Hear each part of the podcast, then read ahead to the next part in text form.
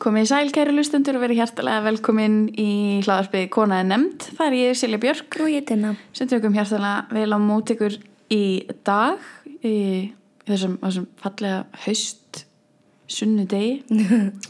Fíla hvernig þú ert búin að ákveða að vera fallegur haustsunnudagur Já, ég er með bara, að við að við að taka þetta upp á fyrst degi. í, það er ágætistagur í dag. Það, er, það er vindur, en such is the autumn í uh, Reykjavík. Bara svo framlega segja helst þurft þá er ég hress. Um, ég var einmitt í Edinborg um síðustu helgi og ég var ekki þurr í tvær mínútur.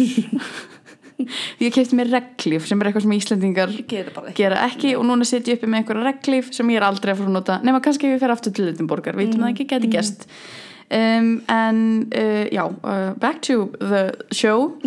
Uh, Tinna er með smá skemmtilega tilkynningu. Já, uh, við fengum hérna uh, mjög skemmtilegan post frá útgáfinni Bergmál en uh, þau eru að gefa út sérst æfisögu Roxanne Gay á íslensku. Squeeze. Sem við náttúrulega dýrkum. Og buðu okkur að gefa þrjár bækur. du, du, du. Já, og ég er mjög pepp fyrir því að vera Facebook og Instagram liker. Mm, Sem er sem er allir verða að checka þau átt við ætlum að gefa tvær á Facebook og einu á Instagram og setjum það bara af stað uh, setna í dag, sunnudag það er að segja Mhm. og draugum út, ég myndi segja fimmtudaginn, eitthvað svo leiðis en þeir getið kíkt allavega á Facebook og Instagram hjá okkur, það verður í Insta Story þannig að þau þurfum að vera on top of your game skiljið. Absolutt og ef að það er einhver tíma tilefni til að followa þá er það núna. Þið getið fundið okkur á öllum helstu samfélagsmiðlum Facebook, Twitter, Instagram. Uh, undir notendanafninu kona er nefnd. Þannig að tjekkið á þessum miðlum núna fyrir, byrju, fyrir... Fymtu daginn, tíunda oktober Já, Ok, Ok, let's do this. let's do this Ævisaga Roxanne Gay, það er nú ekki ónýttu pappir að eiga myndi ég segja Einmitt, við bauðu okkur að gefa 23 bækur ég er hugsa um að eiga þær bara. Já, bara hei, Ég vil fá að gefa mér þessar bækur. Ég vann Ég vann Facebook-leikin. Ógstlega rigged dæmi. Óksla rigged En já, við líka bara takk æðslega fyrir þetta Bergmál útgáfa og Berglind Baldursdóttir uh, frá Bergmáli sem hérna hafði samband við okkur og sendi okkur þennan post og uh, já, bara takk Og ef þið fyrir vinnið ekki, kaupið þessa bók. Alveg ótrúlega flott, sko. Já, það er ekki oft sem að koma út uh, góðar svona contemporary Já. sögur á íslensku, eða skilur þetta náttúrulega á íslensku. Algjörlega. Þannig að hérna, já og heyrðu, það er líka hægt að kaupa höngir núna, er, það er búið því að hann yfir á íslensku, bókin hennar Roxanne Gay og hún fæst til sölu hjá forlæginu, sá ég, uh, ef einhverju vilja fjárfæsta í henni á, Lesiði bara alla bækur sem þið finnið um Roxanne Gay. já og hvort sem er á íslensku eða ensku eða dönsku eða Já. simlish, Það þú að sjá um þá þýðingu. absolutt. Takk fyrir þetta Bergmál og uh, gangi ykkur vel í leiknum, Já. kids. En já, kona er nefnd Eva Marie Duvernay. Mm Eva er fætt 24. ágúst 1972 og er stórmerkileg kvikmyndagerða kona. Stórmerkileg. Og ég vil að það sé tekið fram hérna í byrjunna að Silja er í kvikmyndafræði og veit allt um vissum bíó- það veit ekki búið að koma frá. allt um bíómyndir þannig að þegar ég hef lokið mér af þá verður þetta Siljas podcast about movies ger ég ráð fyrir Ég skal reyna hemmið mig. Já, eh, nei, meina, please, go for it, ég veit ekkert um hver er að tala. Hún er náttúrulega meistarasnillingur, Hún sko. er það. Eva er alveg upp í Linwood í Los Angeles síslu í Kaliforníu, svona fjórum sískinum, uh, mömmu sinni og stjúpapapa. En stjúpapinar er frá uh, Selmu í Alabama og þau ferðu öllum aftangaði sumafríunum sínum og þessar ferðir voru mikið insbó fyrir hana uh, sem ég kem að uh, á eftir. Eva lærði enska bókmyndir og afrísk-amerísk fræði í UCLA og var í Alpha Kappa Alpha sýstrasamleginu sem að mér skilst að sé þýðing á sorority en Google Translate vildi að ég myndi þýða þessum galdrakall sem er mjög skemmtilegt. Ha?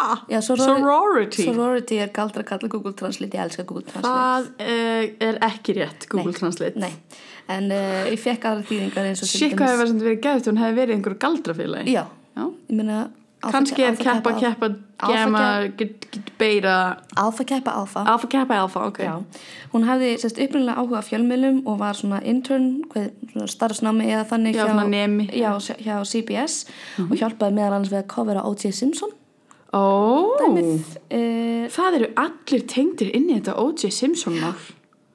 Algjörlega. Shit, hvað það er áhugavert. En hún samt var ekkert, þú veist, hjælt sér ekkert lengi í fjölmiðlum, þetta var ekkert eitthvað alveg fyrir hana og fór meira svona yfir í svona PR, þú veist, svona markasetninga mann- og svona mannuðstjórnun og, já, já, og þannig sérst, vann uh, sem svona junior publicist til dæmis hjá til dæmis 20th Century Fox uh, Savoy Pictures og einhverjum fleirum en opnar síðan sína eigin PR stofu sem heitir The Duvernay Agency á 99 og vann sérst, PR og markasetningu í gegnum það meðal annars uh, fyrir einhverja bíómyndu þætti og ég ætla að nefna þau sem ég þekkti sem voru Shrek 2 og Dreamgirls já sá- sáum sérst um hvað almannatengsl þá já, fyrir, já, þessa myndir já. og, og svo eitthvað, eitthvað fleira sem ég persónulega þekkti ekki hmm. Um, Fyndi eitthvað Shrek 2 Já. og Dreamgirls já, einmitt, ég meina þú veist maður að taka ymsum jobbum skilur Ég minna, you gotta pay the bills Nákvæmlega. Árið 2005 fyrir hún svo að færa sig meira yfir svona þetta eigin uh, kvikmyndgerð uh, og fyrsta myndin hennar var stuttmynd sem hún byggði svona á lífi og upplifunum mömmu sinnar sem einstæðar móður, sérst greinlega áður en hún þá hittir stjúpappa Eifu. Um, stuttmyndin fór einhverju kvikmyndaháttir og er kannski ekkert brjálæslega þekkt samt en það er alltaf fyrsta mynd og allt þetta. Um, hún fór síðan að færa sig svolítið yfir í heimildamyndaheimin og bæði þú veist það er svona kannski ódýrt í, í framlýslu frekar heldur en feature films og hún segir líka þú veist að hún vissi að hún geti lært svo margt af því um bara kvikmyndagerð þú veist. Og hérna sérst, í því æfintýri gerði hún sérst mynd sem heitir uh, Compton in C minor þar sem hún fór sérst til Compton og bara sérst challengeaði sjálfa sig til þess að bara fara í borgina og taka upp í tvo tíma í rauninu bara sama hvað kemur út úr því. Þú veist, hún fór ekki inn í það með neitt agenda, heldur bara svona daglegt líf og hvaða þemu er að fara að koma upp þegar ég uh, er þar. Uh, næsta heimildamyndin hennar og hennar svona feature directorial, directorial debut Já, svona fyrsta myndi sem hún Svona- leikstýrir. Já, það er svona líka fullri lengd ég held að kontonin símænur hafi verið stuttmynd líka. Heitir This is the Life og fjallar um svona alternative hip-hop og sögu kaffihús sem heitir, eða hétt The Good Life Café og var svona eiginlega listarreyfing Hmm. um, þetta var sem svona heilsubúið kaffihús og voru, þau voru oft með svona open mic kvöld og þetta var svolítið svona samkomustæður og mekka svona alternative hip-hop og svona spoken word og, og ljóða og svona.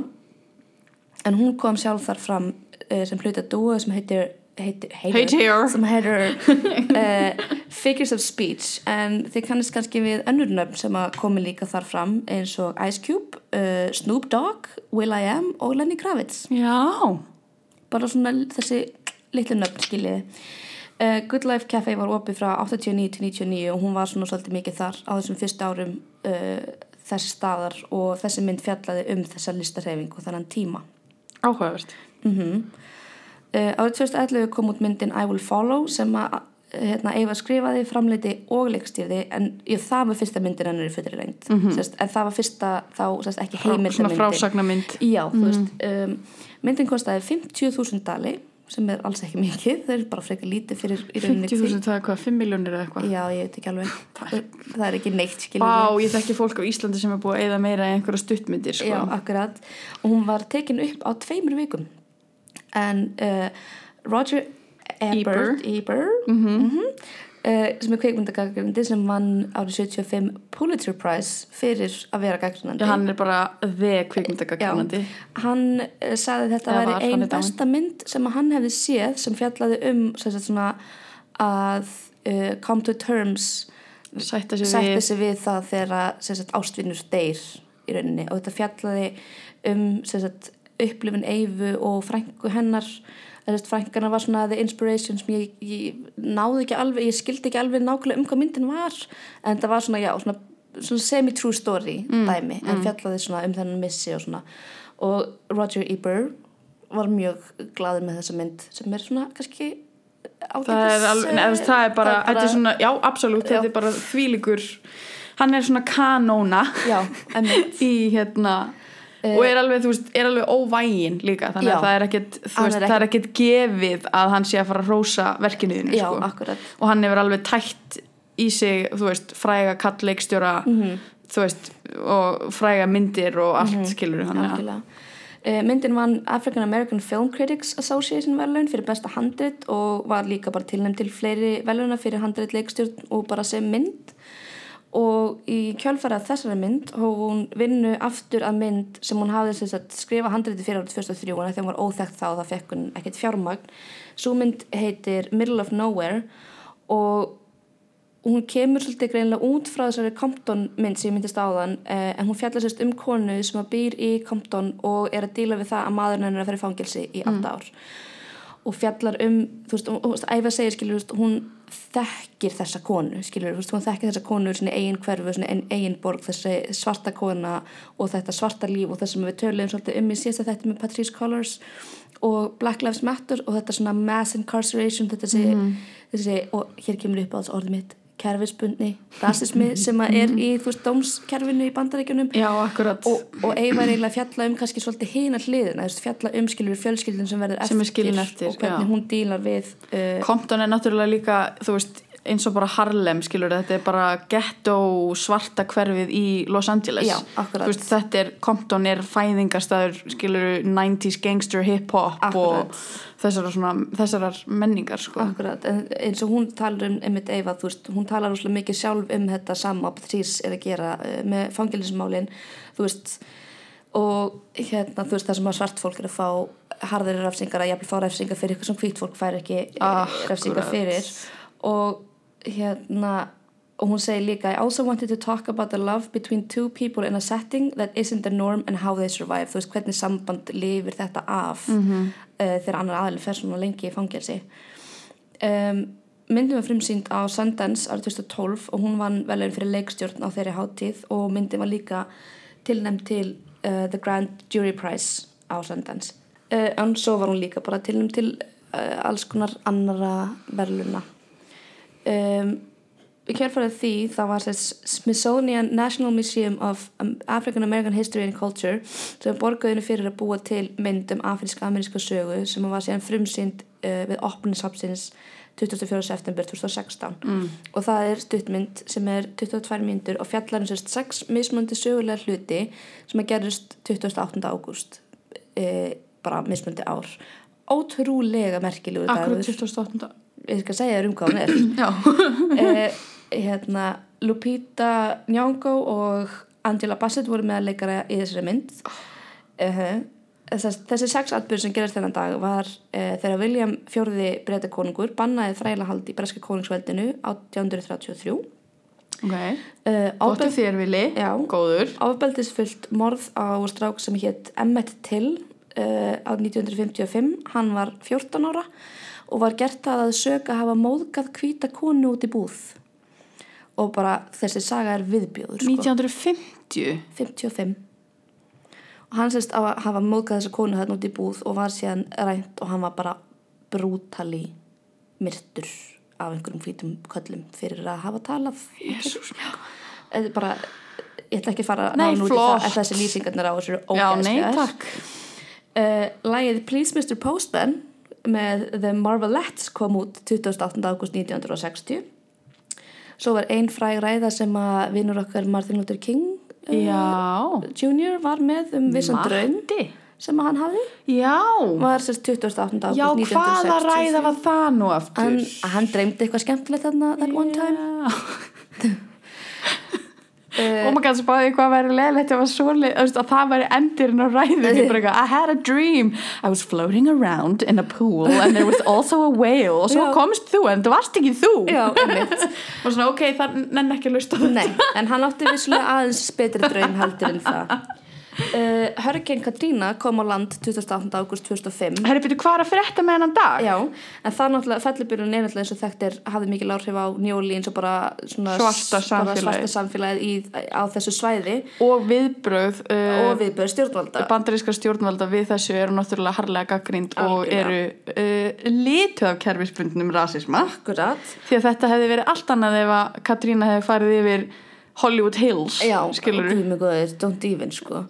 Beverly Hills, eh, eh, þú veist mm, mm, mm. og að lokum var Barack Obama valinn fórsetefni demokrata uh, í fórsetakostingum 2008 oh, good day for 2008, black history. Já, fyrir utan morðið. Og Hurricane Katrina. Já, er Merkilegt. merkilegu dagur in black history. Um, þannig já þetta, þetta var það sem myndi fjallaði um það sem, sem var frumsýnd á þessu safni uh, þegar það opnaði. Og ég mér langar ótrúlega mikið að sjá þessu mynd ég held að hún sé ótrúlega áhugaverð. Um, þekktasta myndin hennar Eyfu sem að ég referensaði hérna í byrjun er síðan Selma. Um, en hún fór hérna oft með stjúpappa sínum til Selma í Alabama sem barn. Og myndin var tilnæmt til Óskarsvöluna og sömulegis var lægið Glory tilnæmt og vann skilst mér, Já. en Eyva var ekki tilnæmt sem leiksturi og að því hún er kona. Að því hún er kona, að er svört kona. Mm Selma var eina myndin á öllum ósköldum það ár uh, 2014 sem var leiksitt af manneski sem var ekki hvít. Og ég veit ekki, ég myndi til að, þú veist, veit ekki hvað þið finnst en þetta er í kringu það svona það tímabil sem að Oscars so white hashtagið er Já, svona að til já, þessari umræða er svolítið að byrja í kringum þennan tíma. Sko það hefur á 80 og 6 eða 7 ára sögu Óskarsverðanaháttíðana hefur held ég ég held ég sé ekki að fara með rángfærslur hér. Hefur ein kona verið tilnæmt sem besta leikstjóri. Mm þetta alltaf ég ætla að segja þetta aftur. Ein? Mm af 87 eða eitthvað skiptum. Mhm. þú veist Einmitt, og þetta er sko bæði sko konur náttúrulega fá ekki, þetta er bara Oscars so white og Oscars so male white male Þú veist, bara. akademian, þú veist, akademian virkar náttúrulega þannig, þetta er bara, þú veist, industry people, þetta er bara fólki í bransanum, Mhm. en þetta er fólki í bransanum sem þarf að eiga peninga og þetta er fólk, þetta eru, ok, nei, þetta eru menn, þetta eru menn í þessum bransa sem eru búin að vera í þessum bransa og eru gjössanlega out of touch við það sem er að gerast Mhm. og ég held ángrín sem meiri hlutin sé ennþá, þú veist, hvítir karlar yfir sko 50. Mhm. Þú veist, það eru sömi mennarna sem eru bara nýræðir. Mm akkurat Eyva sagði sjálf sko hún var ekkert sérstaklega hún var ekkert sérstaklega svegt að hafa ekki verið tilhend sem uh, leikstjóri en hún var svegt að sérst aðaleikarin uh, David Oilo Oil,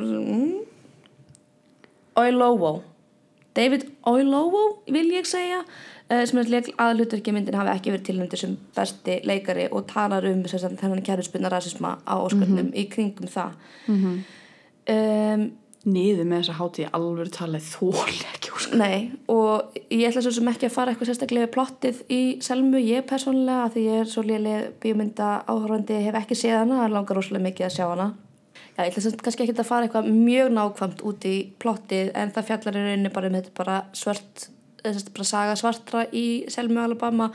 Uh, Martin Luther King kemur, kemur í henni, sérst, ekki hann sjálfur væntalega, en hann er leikinn þarna. uh, og hún fjallar meðalins um sérst, konun sem heitir Annie Lee Cooper sem að uh, vildi fá kjósa í Selmu í Alabama og var Svört. svört kona og var stoppuð af hvita fólkinu. Surprise, surprise. Um, myndin hefur verið svona smá gaggrinn fyrir historical accuracy en let's face it, þetta er akkurat. þetta, er ekki heimildamynd eða fattaru Nei, nei, en hún, þetta er svona hennar þekktasta verk þar til nýlega. Já. Oh, we're getting into the good stuff, sko. og getting into the good stuff. Um, árið 2016 sem sagt, á The New York Film Festival þá var sem sagt, surprise announcement að mynd eftir hana Eyvu sem heitir 13th sem er heimildamynd myndi vera sem sagt, opnunar mynd þeirrar hátíðar. En hún fjallar um sem uh, bara þennan kerfisbundna rasisma og þetta mass incarceration, þetta fangelsis dæmi, dómskerfið fjöldafangilsun og nafnið vísar í sem sagt, the 13th amendment sem að uh, var hvað er stjórnarskrá atkvæðið ákvæðið sem að tók þrælahald út úr lögum í rauninni. Um, og myndin byrjar á því að segja að 25% af fólki sem er í fangelsi í heiminum eru í fangelsum í bandaríkjunum. Ha? fangelsin í bandaríkjunum eru náttúrulega reikin í gróðaskinni Jú, jú, og akkurat það er svona vil þú veist, og ég man ekki hvað ég var að heyra að lauruglur menn fá, þú veist, bónusa Ég var að segja já, þú það, varst að, já, einmitt, já. ég, þú Ég veist var- þessu mörg Ég var að podcast segja því síðast á þetta einmitt, þú veist, þannig að Já, en þetta er samt ógeðslega Þetta er mikið. ótrúlega 25% af öllum þú veist that's a lot of það er people. rosalega mikið af fólki.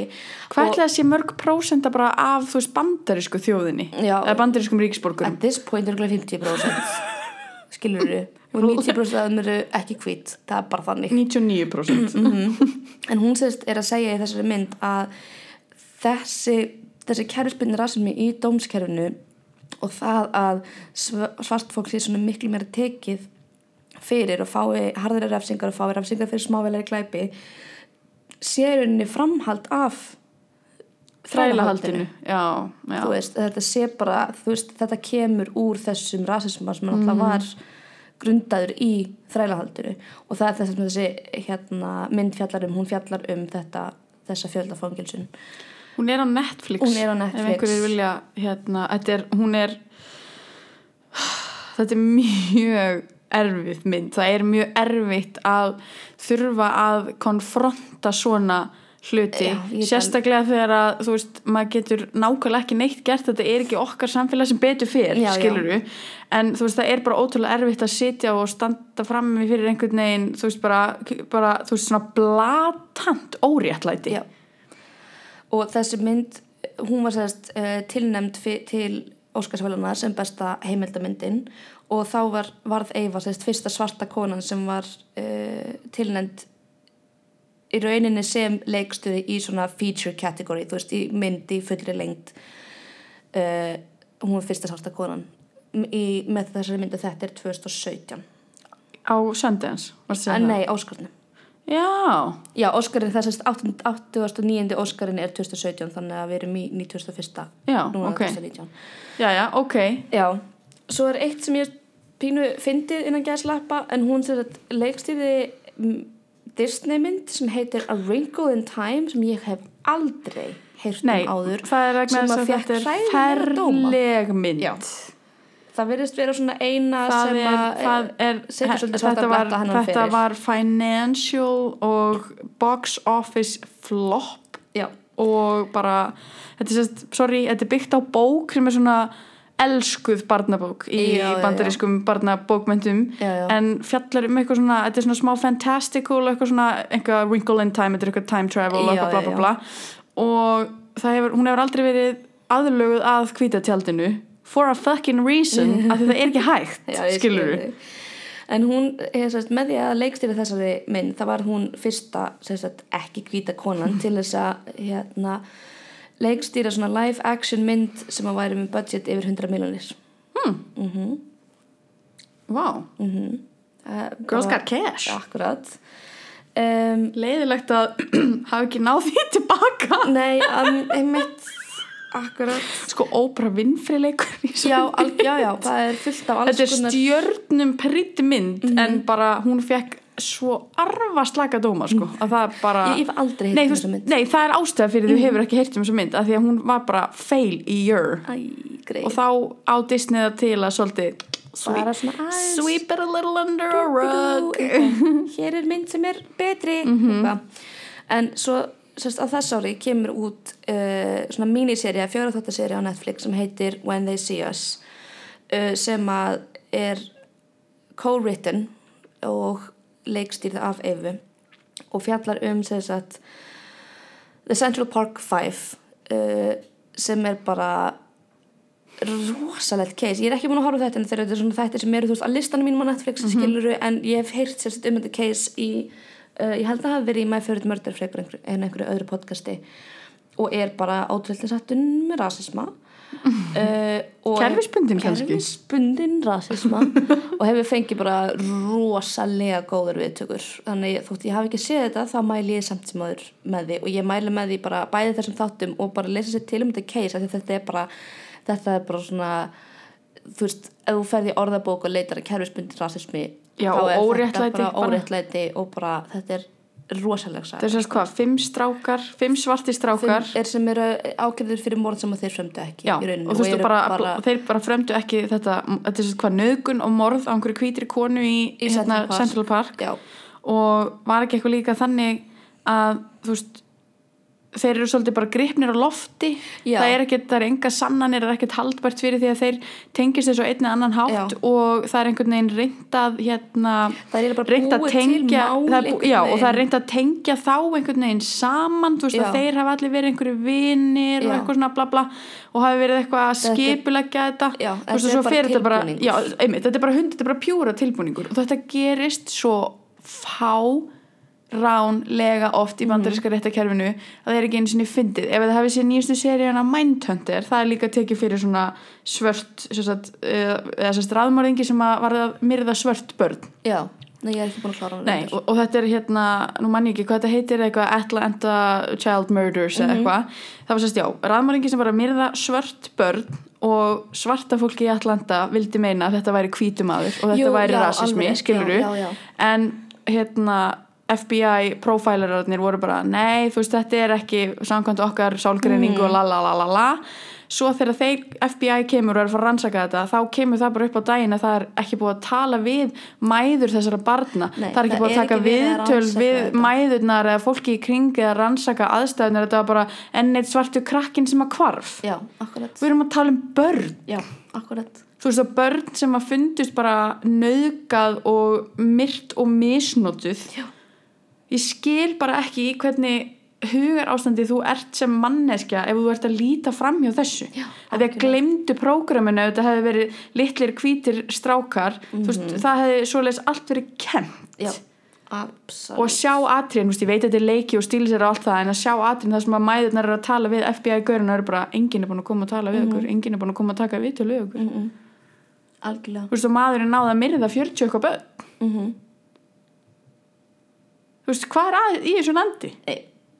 Og hérna, annars, sorry, eitt sem ég glemdi með 13th uh, Angela Davis sem var hérna keynote speaker á Me Too ráðstefnunni hérna í Reykjavík um daginn sagði að þetta væri líklegast mikilvægasta mynd sem við getum séð 13th um hérna mass incarceration og uh, hérna það er komið, kom svolítið út frá þessari mynd uh, og byrjaði að tala um the Duvernay test eða hafið heyrt um Batchel test fyrir sem sagt, ef það er hérna, um konur í bíómyndum að þá er þetta Verney test er um fólk sem er ekki hvítt í bíómyndum. Af því að þú veist allar hennar myndir eru um svart fólk og svarta sögu og já, bara veist, hérna, sem ég veist mjög skemmtilegt.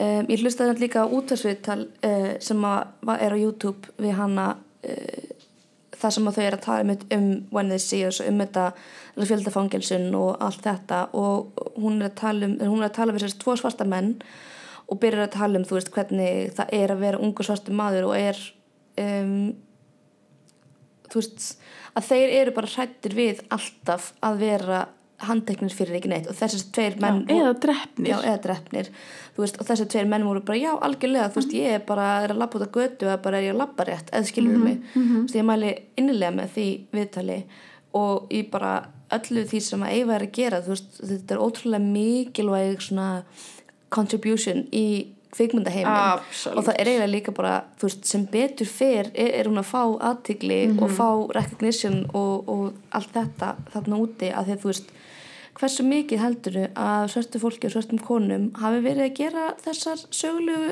kvikmyndir í gegnum tíðina?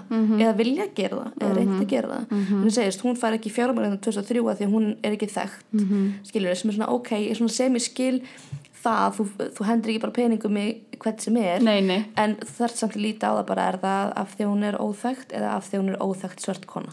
Skilurðu mig? Akkurat. Og, mitt, og m- mér fannst pínlítið því ég var að lesa um hana þú veist hún átt allt sem hann skilið en maður er orðið pínu bara okkar hún sérst að vera það token black woman director? Það er nefnilega málið þú veist. Að- að það er nefnilega málið að að veist, þetta, þetta er svo mikið það að, að veist, já ok, við erum hérna með við erum með Ava DuVernay, við þurfum Já. ekki að fá aðra svarta konu að leikstýra öðrum svörtum myndum og maður svona, ok, hvað eru margir wannabe Martin Scorsese out there Akkurat. að leikstýra einhverjum B eða C-klassa mafíumyndum, skilur við Akkurat, og líka bara meina, hún er greinilega, hún er að taka fyrir greinilega svo mikla svona sögu uh, þú veist, historical accurate sögu, Já, já. heimildamindur og allt það, en hvað um bara the rom-coms og the comedies og the fantasy movies, skilur við sem að fjallar um fólk sem er ekki Fattar mig, þú veist, þú komið að því að pæltu líka í því, þú veist, ok, ég er ekki að segja hana langi ekki að vera að gera þetta eða hún hafi ekki ástriðu fyrir því sem Nei, hún nei. er að gera. Hún er, svo, hún er fárunlega góð gera maður eða kona, það er alveg klárt mál en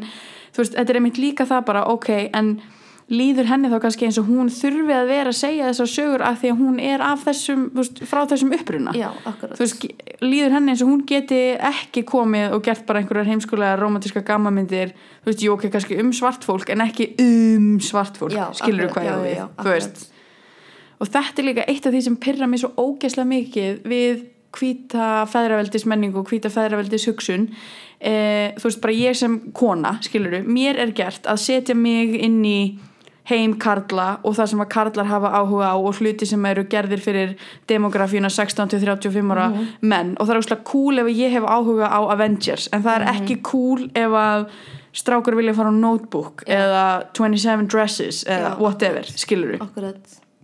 Og veist, og það er eins með það er eins svona hvað segir maður, þú veist það er eins mörg sem liggja á milli hvítrar og svartrar menningar, þú veist svart fólk á að fíla að horfa á Friends en við nennum ekki að horfa á svart útgáfuna Já, Friends, já, akkurat, þú veist já. og allt sem að svart fólk gerir þarf einhvern veginn alltaf að enda endar einhvern veginn alltaf á því að vera um kynþáttaforduma en stundum langar mann líka bara að horfa á eitthvað stjúpid og mér er alveg sama hvort að manneskinu svört eða hvíti eða gul eða brún eða bleika bla bla bla. bara að þú veist, í staðin fyrir að setja in the token black person, the token queer person the token woman eða eitthvað. Þú veist, þess að myndist á þarna með uh, þú veist, hinsegin fólk að þú veist, að það er alltaf the token gay en Einmitt, má hann- fólk ekki bara vera trans og það þarf ekki að vera partur af narratífinni Já, og líka bara, þú veist, það er aldrei bara ein manneskja sem Já. er hinsegin, það er aldrei bara ein manneskja sem er svört, skiljum mig, þú veist. Eins og hefur, hefur séð þarna það er eitthvað svona mím eða kvóta eða eitthvað um Friends af því að, sko við blessi Friends en það er náttúrulega hvítasta hvíta dæmi ever. Já, og eini svarti the tiniest barn síns tíma já, já, og sko eini svarti karakterinn er hann að Charlie kærastannast Joey Skástrík Já, já. Ross. En hún er basically a white woman. Já. þú veist það er ekkert svart við hana fyrir utan það að hún er svart á hörund. Já, einmitt, þú veist, hún er inn í hvítri akademíu, þú veist, hún er inn í þessu þú veist það er meira sér að brandara það sem hún reynir að segja eitthvað svona hey girl. Oh my god nei ég meika þetta ekki. Þetta er ekki ég skilur Nei, Akkurat, og það, veist, það er samt líka svo counterproductive að því að það er svo mikið að senda skilabóðum bara ok, þú mátt vera með í hvíta samfélaginu og þú mátt vera með okkur ef, Ef þú þú hag- hafnar öllu já, ef þú hagar það eins og við og ef þú hafnar öllu sem að við, sem okkur finnst vera eitthvað lower class eða óæskilegt eða óæðra okkar menningu. Þú veist, þú þetta er bara menningarlegt arðrán algjörlega. við megum vera með boxer braids en ekki þú. Já, ef þú akkurat. kemur svört kona með hoop earrings og boxer braids þá erum við bara, heyrðu, þú ert eitthvað fátæk hip-hop, þú veist, Já. video vixen en þegar Kim Kardashian gera það þá er það bara sexy. Já, akkurat Kerfisbundin rasismi. Bundin rasismi. En í, fyrir fólk sem hefur áhuga á kvikmyndum bara absolutt mæli með að kynna sér líka hvern leikstjóra, skilur og ég ætla ekki einu svona það á ekki einu svona þurfum að segja hvern leikstjórar. Nei. þá bara horfa á góðar bíómyndir skilur og, Og það Eva DuVernay gerir góðar bíómyndir og góðar heimildamindir og stundum þarftu bara að fá slap in your fucking privilege, það er bara svo Akkurat. leis Algjörlega Það er sem sagt, uh, það er smá Hollywood þema í þættinum Já, í dag. þetta er uh, enga þáttur hann Silju um kvikmyndafræði Þetta er prívat uh, þáttur fyrir mig. Ég, hérna, þetta eru er báða konur sem ég nefndi Mhm. og let tinnu talum, af því að ég vissi líka að þú myndir hafa áhuga á því, Já, þú veist, ef þú verðin er flott um, en ég ætla hins vegar að segja ykkur að kona er nefnd Marlene Dietrich mm. og hún er icon. Oh, mér er svo leiðilt að það er ekki til neitt gott íslenskt orðið yfir icon, átrúnað góð er ekki Ekki það sem hún ert að leita ekki orðið sem að ég er að leita að.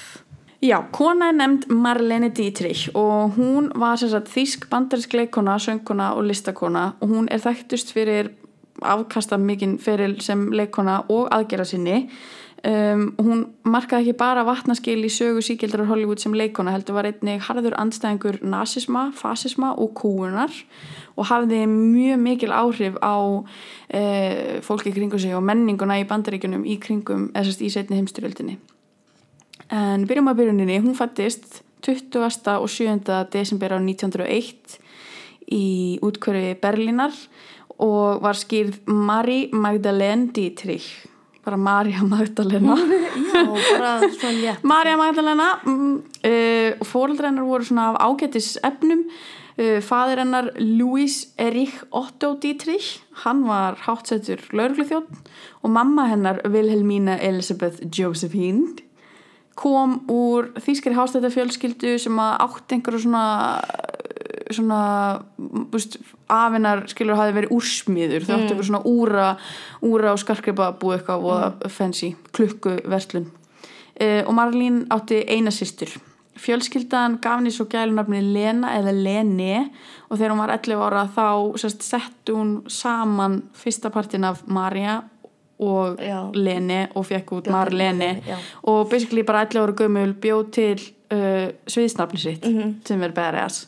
Svona eins og þegar ég var 11 ára og hugsa með mér ef ég verð fræ í Hollywood þá er Silja gett ljótt þannig að hvaða nafn á ég velja mér? Og ég valdi nafni Mandy af því að Mandy með Westlife var uppáðslega Já, ég ætlaði að vera Chloe. Mandy og Chloe? Hljóma eins og obnoxious types. Allavega Marlene var uh, alin upp í strángri lúterskri trú en hún saði skiliföld trúabröð sem úlingur eftir atbyrðið fyrir heimstyrjaldarinnar þegar að veist, hún lýsir því að hún hafi heyrt presta frá báðum hliðum einhvern veginn nota guð sem eitthvað svona afsökun eitthvað svona guð stýður okkur, guð stýður okkur. Og Uh, þú veist að Guð var að stitti við stríðsátök og dauða og hún var bara eitthvað herðu, nei þetta meikir ekki sens, ég er ekki sammála þessu og verður sér satt bara trúleysingi og Eva samt að kona eftir það. Og hún vitnaði oft í Goethe sem er þýst skáld en hann sagði if God created this world he should review his plan.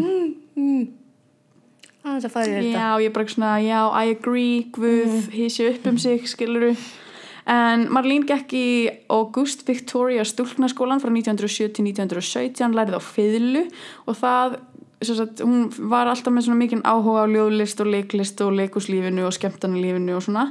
Hann langaði að verða atvinnu fiðluleikari en hún meitti sér eitthvað braut á sér úrliðin eitthvað ára 1922 um, þú veist, þegar hún er bara ung kona þannig að þá gat hún ekki verið að spila þú veist, Nei. svona commercially með einhverjum stórum sinfonjum um, en hún fekk starf í kvikmyndahúsi. Þetta er náttúrulega tímum þögglu kvikmyndana hún fekk starf í kvikmyndahúsi í svona pit orchestra eða þannig, þú veist, æ, það var alltaf svona lítið box eða svona stúka fyrir neðan og þetta er líka í leikhúsi, þú veist, það er svona lítið stúka fyrir neðan og þar voru, þú veist, var hljómsveit live band að spila undir þögglumyndunum. Það er ógæslega fyndið. Ég vissi það ekki, það er ógæslega það er nefnilega doldið fyndið. Um, og þú veist, bæ, bæði til þess að þú veist, bara skemmta gestum og líka til þess að þú veist, vera undir sagt, myndinni. vandræðilegt um í þöglumyndunum að hafa þögl. já, það var ekkit, það var ekkit þú vínilplata og spiluð Já, með stundum nei. var það bara live, skilur Já, og þá fylgdi bara nótnablöð með og eitthvað. Þannig að hérna, já, hún fyrst fekk vinnu þar og var, verður svolítið bara svona heilluð af þessu öllu saman, en hún var rekin eftir bara fjórar vikur af því að hún gati ekki haldið í við spilaríð af því hún var meitt Æ, þannig að um, já hún fe- fer þá úr þessu og fer, sagt, og fær sér vinnu sem kórstúlka í svona kabarett, vaudeville þú veist, fjöl, fjöllistasýningu einhvers staðar í Berlín. Uh, reyndi fyrir sér að, kom, reyndi að komast inn í einhverja þekkta leiklistaskóla, fekk ekki inngöngu neins staðar um, og þú veist, þrátt fyrir að hafa verið alveg svona hún var í, mörg, hún var í mörgum leikusýningum og einhverjum þöglum kvikmyndum og eitthvað, þá var hún ekkert að ve- vekja einhverja sérstaka aðtegli eða fá einhverja sérstaka dóma eða eitthvað. Um, hún fyrsta hlutverkið hennar var á 1923 bara eitthvað pínlítið hlutverki einhverju þögli, þög, þögulli þög, þöglri Þögulli. mynd um, árið 1923 já. Og það er sama ár sem hún kynnist eiginmannum sínum sem var aðstofleikstjóri hann Rudolf Sieber á settinu fyrir mynd sem heitir Tragedy of Love. Og þau giftu sig sama ár, bara sex mánu síðar eða eitthvað í borgarleira aðtöfni í Berlín uh, hún var mjög fljótt ólétt eftir þetta og fæðir dóttu þeirra Maríu Elisabeth Sieber í desember 1924 Um, hún átti mjög farsanum feril í Berlín og Vín á þriðja áratögnum leik bæði á sviði kvikmyndum og í alls konar Shakespeare-verkum og einhverjum frægum þýskum verkum sem að ég kunni ekki deili á. Um, en það var ekki fyrir hún fór að vera svona söngleikimyndum og revíumyndum eins og myndinni Es liegt in der Luft eða Það liggur í loftinu. Vá, það hljóma bara nákvæmlega eins. Já, og Zwei Kravaten nei, kravaten, það sést er bindin þrjú. Mm. kravatt er bindi. Bindi er sin hálsbindi? Hálsbindi, já, já hálsbindi sagt, já, já, Karlmanns hálsbindi. Mm -hmm. um, já, sérst, þá, þá fer hann að hljóta svona svolítið mikla aðtegli og undir lók þriði áratögarins fer ferðlennar að taka á flug uh, fær uh, hlutverk, þá fær hann hlutverk í starri þögulumyndum eins og Café Electric árið 1927 og Ship of Lost Souls árið 1929 og svo uh, árið 1929 fær hún sitt fyrsta hlutverk í talmynd mm. og þá er talið eða hljóðið, hvað sem við kallaða bara tveggjar og gamalt mm. veist, það var á 1927 sem að hljóð kom fyrst og það var bara ótrúlegt, það var bara sensational bara, það er einhver að opna munnin og það heyrist það sem hann er að segja og tala. Og fólki fannst líka bara sjúklega merkilegt að það heyrðist bara, þú veist svona umhverjusljóð bara í diskum og þú veist, bílum og eitthvað svona. Fólk, fólk bara fór yfirum þannig hún fær hérna 1929 í uh, myndinni The Blue Angel sem er svona eina af hennar svona þekktustu verkum á 1929 þar leikur hún kabarettsöngununa Lola Lola mm. sem uh, þessi Lola Lola tælir eitthvað svona virðulegan skólamistara mm -hmm. í uh, inn í þetta svona sótumu kabarett vaudeville líf mm -hmm.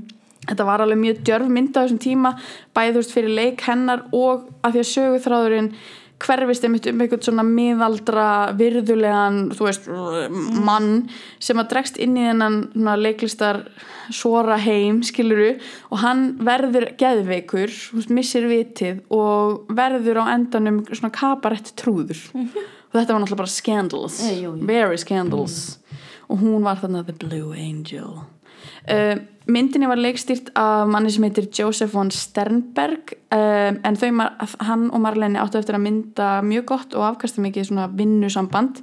Aldrei neitt romantíst eða neitt hannig um, og hann svolítið svona eigna sér það að hafa uppgötvað mm -hmm. hana. Um, The Blue Angel sko var svona þísk mynd. Hún var tekin upp á þísku og ennsku Uh, og ennska útgáfan er ferleg. Hún er stittri og svona vantar eiginlega bara meira eða bara það vantar inn í hana Já. og hún náttúrulega líður fyrir það að þetta eru þíski leikar að reyna að tala Já. ennsku þannig að svo útgáfa held ég er bara ekki til lengur, þú veist hún bara filmurnar bara eru einhverstaðar ónýttar um, en þrátt fyrir það þá fekk myndin mjög góð dóma bæði í Þískalandi, í Evrópu og fekk síðan veist, uh, náði aðtekli í bandaríkunum líka og það var sérstaklega því að þessi Sternberg leikstjóri var sjálfur mjög duglegur að það neyti ógesla miklum peningum í að koma myndin á framfæri og auglísa myndina og kominni til bandaríkjana um, og þetta er sérstaklega eftir setni heimst, nei, fyrir heimsturhöldina og þarna er stúdíokerfið í Hollywood að verða svolítið fyrirferða mikið um, og það er margir evróski leikarar og leikunur sem að fóru bara, þú veist, fluttist bara búferlum til Ameríku til að meika það, skilur, mm. allir að fara til Hollywood að upplifa ameríska draumin og verið sér að voru stúdíóin alveg aktífli líka að kaupa inn talenda frá, þú veist, Evrópu, bara já, já. borga fólki fyrir að koma og leika í myndum í bandaríkunum um, þannig að með lofurum um gull og græna skóa og glæstan frama og ameríska draumin, þá var Marleni lokku til USA, USNA og basically bara keft af Paramount stúdíónu mm. Um, par... og fyrir forvitna sem var að spá eitthvað stúdíódæmið er farið í fyrsta þátt að hlustum á umfyllunum Malin, Malin Monroe. Í sæðan næst yfir Malin Mansson eða sendið mér skilabóð á Facebook og ég skal segja ykkur allt uh, um það. Nei, tjók, ekki gera það please.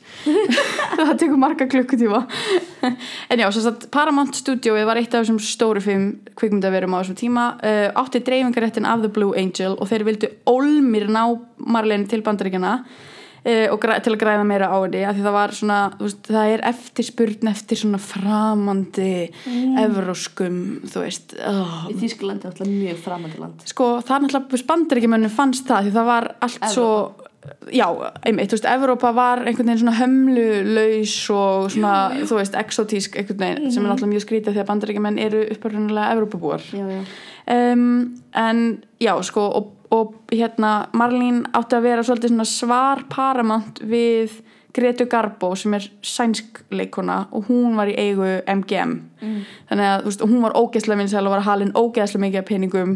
Og þannig að Paramount var bara eitthvað, ok, við þurfum að fá um, ein ljósarð, ein ljósarð útlenska stelpu til okkar as well. En eh, hún fekk mjög höfðinglegar móttökur þegar hún kom til Paramount. Hún hérna fekk til dæmis glænian Rolls Royce Já, já. Bara eitthvað grænan pan, pan, Panther eða eitthvað, ég man ekki hvað þetta heitir bara eitthvað glænian Rolls Royce og fullt af skartgripum og peningum og eitthvað. Um, og á árinu 1930 til 1935 þá skartar hún sínu fegursta í sex kvikmyndum sem að þessi Sternberg leikstýri fyrir Paramount. Og þetta er náttúrulega sko fimm, fimm ár, sex myndir og þetta er eitthvað sem hefur ekki verið leikið eftir aftur, það er, þú veist, hefur aldrei verið jafn afkasta mikið samband milli leikara eða leikkonu og einhvers leikstjóra á jafn stuttum tíma, þú veist, af því að alla myndirnar voru gerðar fyrir hana og með hana í huga Já, já, og þú veist, þetta er meira heldur en ein mynd á ári Mhm. og já, hefur aldrei verið leikið eftir og það eru svona þessar myndir sem að eru hennar þekktustu og eru svona þekktastar fyrir veist, þetta svona distinctive look sem að hún er með og um, þau voru mjög góð saman uh, og mótuðu þessa ímynd hennar saman og persóna hennar Marlene eins og er bara þekkt í síkildri Hollywood og örgulega sem ég ennþá í dag er að þú veist persónan Marlene Dietrich er bara tilbúningur Já. bara eins og ég talaði um í Marlene Monroe þú veist þetta er bara stjörnu, stjörnukerfi var bara þannig að þú bjóst bara til einhverja típu skilur já, já. og hennar var að vera svona heillandi glamúr, tálkvendi og þú veist hjúpu einhverjum dulúð og lindadómum um, og Og það er lappa um með svona reikvili kring. Já, og hérna hann Sternberg vildi náttúrulega sjálfsög hún myndi léttast, ekki hún hafði þurft á því að halda um, og þjálfaði hana sem leikonu um, og sambandi þeirra var svona smá skrítið en þau voru bæði mjög meðviti um eða þau voru samþykki í þessu sambandi skiluru en þetta er eitthvað sem að kannski ekki allir leikarar myndu sætta sig við en hún basically bara hlýtti öllu sem að Já. hann sagði sem er alveg óvanlegt að því að oft hafa leikarar alveg mikið svona creative input eða þannig að langar að hafa eitthvað máli að segja en þú veist ef það var eitthvað sem hann sagði þá var hún bara já ok, gera það bara þannig þú veist þannig að þetta er tröst Já. meira heldur en eitthvað kúun Já, skilur já, já, já. um, síðan leikur hún í hérna, myndinni Morocco sem er líka eina frægustu myndunum hennar sem er eina af þessum Sternberg myndum árið 1930 og þar sko þetta er hennar frægasta mynd um, að því að í þessari mynd þá klæðist hún smoking. Mm. karlmanns smoking og, og hérna hvað er þetta, pípuhatti. Mhm. og er að syngja eitthvað lag og lappar hún er að syngja eitthvað svona hún er að leika kabarettsöngunni skilur og lappar eitthvað svona um salin og er að syngja á eitthvað voðalega Frank Sinatra esk eitthvað og kissir svo stelpu Ég trúi. Já. og þetta var náttúrulega tvöfalt tabú Já, já. kona í kallmannsfötum að kissa aðra konu Ekki fara svona með mig. byttu fyrir en annað sem ég ætla að koma bara eldsnögt inn á eh, er að þú veist það eru svona tvö tímabili síkildir í Hollywood. Það er eh, fyrir framleiðslu sáttmála og eftir framleiðslu sáttmálan og þetta, þessi mynd kemur átnátt 1930 sem er rétt áður en þessi framleiðslu sáttmáli verður til. Að það sem að gerist er að veist svona gamla gamla Hollywood það voru bara raunchy ass kvikmyndir. Þú veist það var bara hvað sem er. Fyrstu kvikmyndirna sem voru gerða voru bara svo klúrar og um svo fáránlega hluti og um guð og um allt sem að bara varð svo tabú af því að í kringum 1930 kemur þú veist katholska kirkjan og menn með peninga og ítök og völd og eru bara eitthvað heyrðu uh, þetta eru ósæmilegar kvikmyndir og kvikmyndamidlin er ósæmilegur og við viljum breyta því. Þannig að það var gerður bara framleiðslu sáttmáli sem allir þurftu að fara eftir. Þetta er svona self-censorship eða þannig. Já, já. þannig að það var gerður framleiðslu sáttmáli sem allir áttu að fara eftir uh, þar sem að allir þessi hlutir voru bannaðir. Og það er síkilt á Hollywood sem við þekkjum í dag skiluru þar sem að fólk kissist ekki. Og Já. ef, ekki, ef, að, ef að fólk er ekki gift þá má það ekki vera í sama rúmi það má ekki sína nekt, það má ekki sína þú veist, alls konar hluti skiluru þannig að þetta er svona Morocco hérna er ein af svona síðustu myndunum þar sem að um, kynferðslega hlutir eins og þetta sem voru jú alveg augrandi á þessum tíma eru síndir, svo var bara tekið, klift og skorið God. fyrir þetta. Og var þangað til kóðin var lagður niður eða sáttmálinn var lagður niður sko 50 og, eða 60 og eitthvað, skilur og þetta eru bara, þetta eru alla klassískar Hollywood bíómyndir, skilur um, eitt til dæmis sem átti ekki sína og var alveg tekið fram í þessum sáttmála var white slavery. Já. ekki, ekki þú veist svo- Mátt sína black slavery. já, en uh, white slavery, don't think about it Nei. do not think scandal. about it þá færð þú ekki peninga fyrir þessari mynd og ekki vera að sína konur í kallmannsvötum að kissa aðra konur takk þetta særir mitt kathólska hjarta, mm -hmm. um, en fyrir þessa mynd Morocco fekk hún sína einu, fyrstu og einu Óskars tilnefningu leikur síðan í nokkrum sagt, af sínum þekktustu myndum eins og ég var að segja sem Stenberg myndum að Dishonored, Shanghai Express og Blonde Venus. En hún var yfirleitt að leika einhverju svona femme fatale, einhverju svona tálkvendi þú veist sem að henda henni samt alveg vel. Og þarna verður þessi ímynd hennar svona þessi fysiska ímynd mjög föst í skorðum. Uh, þú veist, hún var með platinuljóst hár svona mjög þunnar háar svona bógadregnar mm augabrúnir en drjúpandi auglokk um, og hann Sternberg myndaði hana, hann var, svona, hann var mjög klár og mjög klár í að nota ljós og sett og svo leiðis, þannig að hann myndaði hana og þetta er náttúrulega allt svartkvítamyndir hann myndaði hana oft, þú veist hann ekkert ofanfrá eða neðanfrá þar sem hann var að varpa ljósunni svona mjög sérstaklega á hana. Þannig hún, þú veist, það er svona mjög kinnbeinin á henni virðast bara að vera hnífar. Já, þú veist, bara ógeðslega skörp and, eitthvað svona mjög skörp í andliti og hann notaði líka oft setti, þú veist uh, kannski einhverjar svona þunnar gardínur eða efni eða rimlagardínur eða eitthvað þannig að ljósið, þú veist, fjall svona Já, já, já. á andliti á skringilegan hátt en einmitt skapaði þessa svona íkonísku já, já, akkurat um, og, og myndirna þeirra eru mjög fallegar því hann var auðvitað mjög svona listneiður þetta er allt svona mjög stíliseraðar Mhm. myndir um, og, og sko sagnfræðingum og gaggrinendum kemur ekki heim og saman hvort er að hafi verið að hafa meiri áhrif á hitt, já. skiluru en hvorugt er að eftir að Sternberg er rekin frá Paramount uh, og hún fyrir bara að gera eitthvað annað skiluru myndi með einhverjum öðrum og hann fór að gera eitthvað annað bara sjálfur þá náðu þau aldrei, veist, þau voru saman svo góð en í sundur voru þau bara svona Eh, skiluru, það náðu aldrei sömu hæðum og þegar þau voru saman, þannig Já, að þetta voru einhverju galdrar þú veist, á milli þeirra skiluru. Um, hún sem sagt eftir að hann er reikin frá Paramount þá fer hún líka fyrir utan Paramount og te tekur þessi tvö hlutverk The Garden of Ella og Night Without Armor. Og fyrir þau hlutverk fekk hún greitar mjög háar fjárhæðir og sem voru sko meðal þeirra hæstu á þessum tíma, þetta er 1936-7 þannig að þá er hún hæst, ein hæstlaunaðasta leikuna í Hollywood at the, at the current time.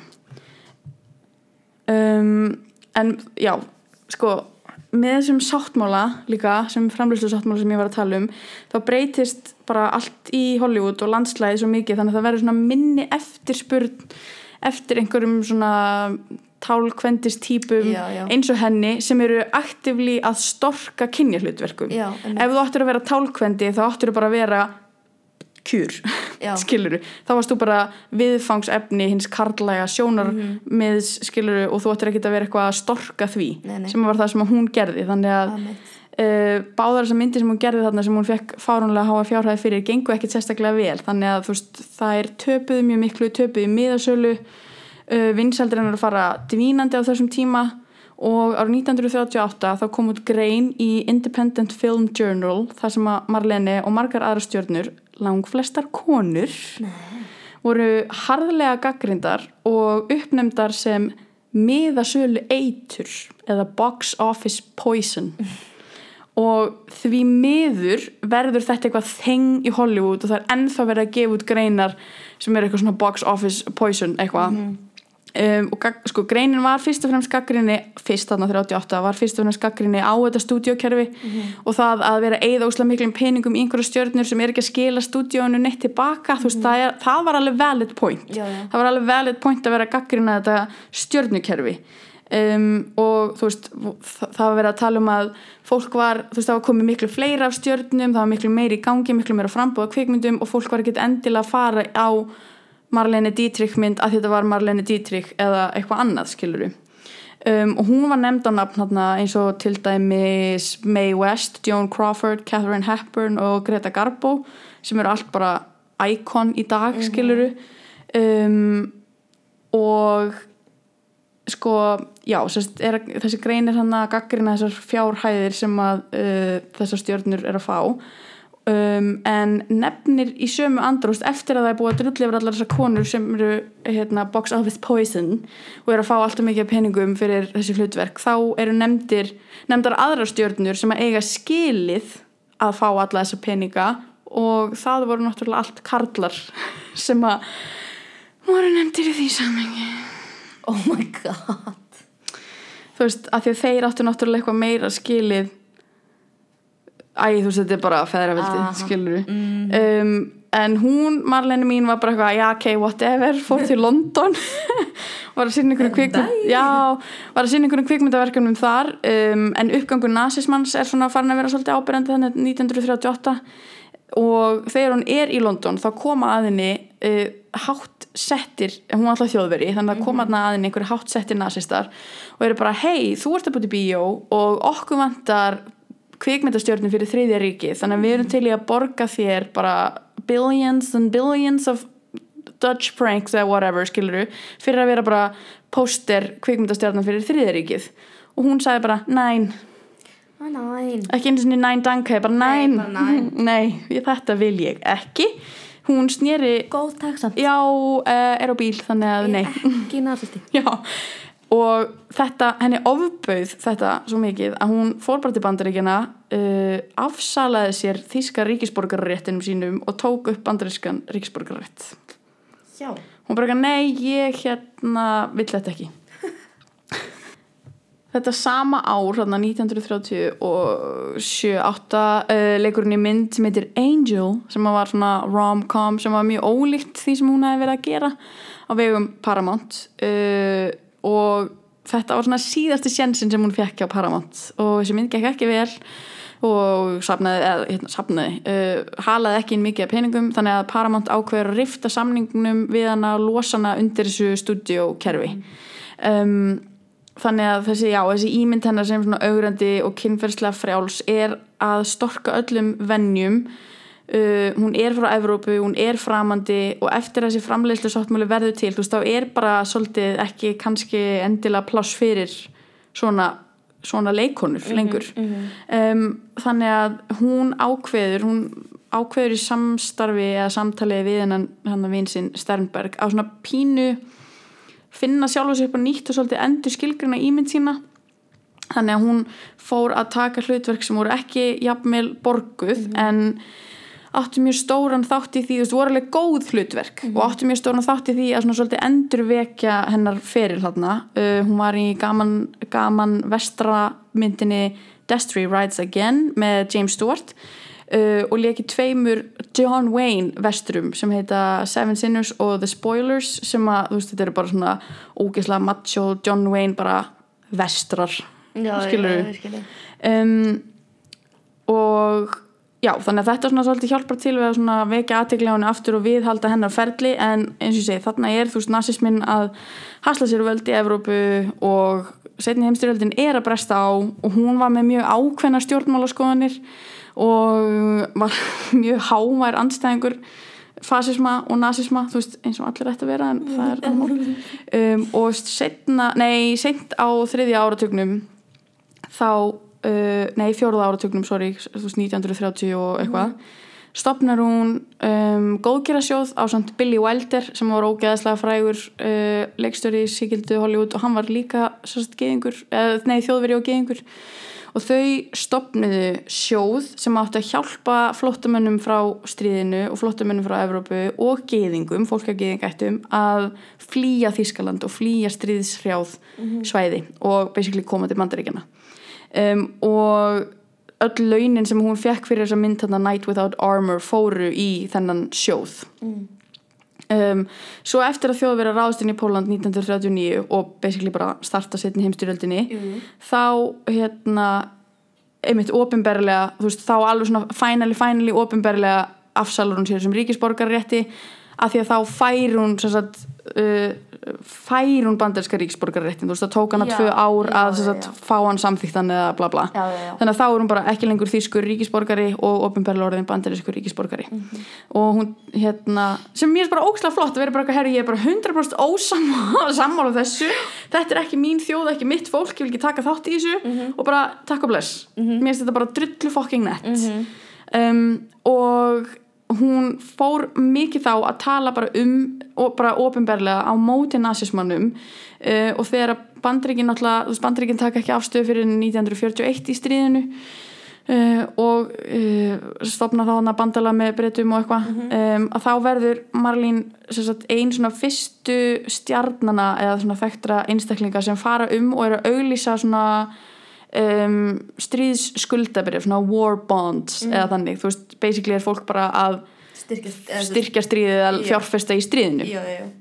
um, hún ferðast, frá, ferðast um öll bandaríkin 1942-3 bæði til þess að selja þessi skuldabrif og til þess að skemmta hermunum og það er talið að hún hafi sapna mesta fjármagninu af öllum þessum ofinbjörn frægu personum þú veist, að því að veist, það var alveg fullt af fullt af leikonum og fullt af söngurum og dönsurum sem voru sendar en þær voru kannski ekki endilega þær fóru kannski bara á sungu, voru ekki Ég, endilega að skipta sér bara- af já, já, þú veist, þú voru ekki að selja þessi skuldabrif já, já, já. pólitíska svona áhuga sjálf persónulega. Akkurat, Mhm. um, hún hafði ekki mikið að gera í kvikmyndum á þessum tíma, einbeitti sér svolítið mikið bara að stríðsátökunum og að aðstóða bandaríkin og bandaríska herrin einmitt með þessum hérna með þessum skuldabrjöfum og svo 44-45 þá ferðast hún til Algeríu, Ítalíu, Fraklands og Bretlands, Hollands með svona farandssýningu, vodvil mm. prógram eitthvað fyrir herrmennina uh, og fór síðan til Þýskalands og henni var ekki vel tekið þar.